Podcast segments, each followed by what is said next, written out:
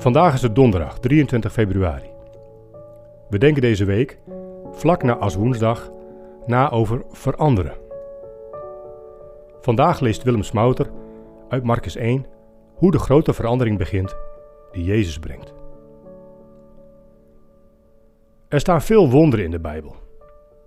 Maar een van de grootste wonderen vind ik hoe het evangelie van Jezus Christus begonnen is. Namelijk dat het halve land de woestijn introk om te luisteren naar iemand met een rare jas en een vreemd dieet. Die roept dat je je moet bekeren.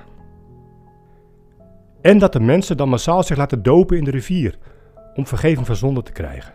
Ik bedoel, waar kwam dat ineens vandaan? Ik ken natuurlijk wel dat je allerlei mensen excuses hoort maken of sorry zeggen. Dat hangt ook ineens in de lucht, soms. Maar dat is toch net even iets anders. Excuses rammelen vaak aan alle kanten. Bijvoorbeeld iemand zegt: Het spijt me dat je hier zo'n last van hebt. En dan is het eigenlijk jouw probleem. Of dat de excuses pas komen als het zo publiekelijk is geworden dat je er niet meer omheen kunt. Maar dat je echt uit jezelf je zonde beleidt en om vergeving vraagt, dat is nog eens andere koek. Nogmaals, ik vind het een wonder. Maar ik kan wel begrijpen dat het goede nieuws van Jezus Christus dan werkelijk gaat beginnen. Zo staat het in Marcus 1. Het begin van het evangelie van Jezus Christus, Zoon van God. Er staat geschreven bij de profeet Jezaja: Let op, ik zet mijn bode voor je uit. Hij zal je een weg banen. Een stem roept in de woestijn: Maak de weg van de Heer gereed.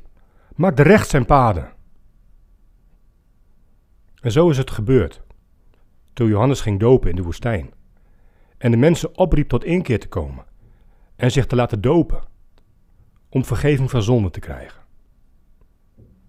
Alle inwoners van Judea en Jeruzalem stroomden toe. En lieten zich door hem dopen in de rivier de Jordaan. Waarbij ze hun zonde beleden. In wezen zou dit natuurlijk altijd de volgorde moeten zijn. Dat je eerst enig benul hebt welke zonden jouw contact met God belemmeren, en dat je daarna open komt te staan voor het Lam van God dat de zonde van de wereld wegdraagt. Toch weet ik maar al te goed dat het lang niet altijd in die volgorde gaat.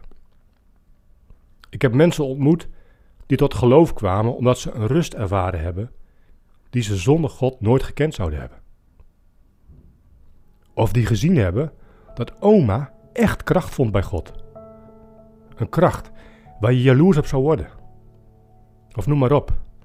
Er zijn honderd manieren om bij Jezus uit te komen. En dat is allemaal prima. God werkt op allerlei manieren.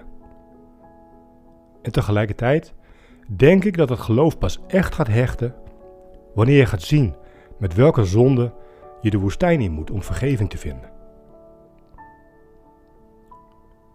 Dat is toch iets om eens over na te denken? Wat zou jij willen laten verdrinken in de Jordaan? En hoe zou jij weer schoon uit het water willen komen? Het kon wel eens wezen dat er dan iets gaat veranderen.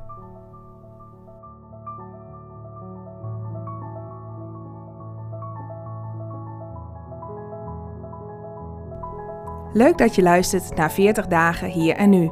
De podcast die je wil helpen om Jezus te volgen in jouw hier en nu. Wil je meer weten over deze podcastserie? Ga naar 40dagenhier en nu.nl. Voor de Bijbelteksten in deze podcast gebruiken we de MBV 21 van het Nederlands-Vlaams Bijbelgenootschap.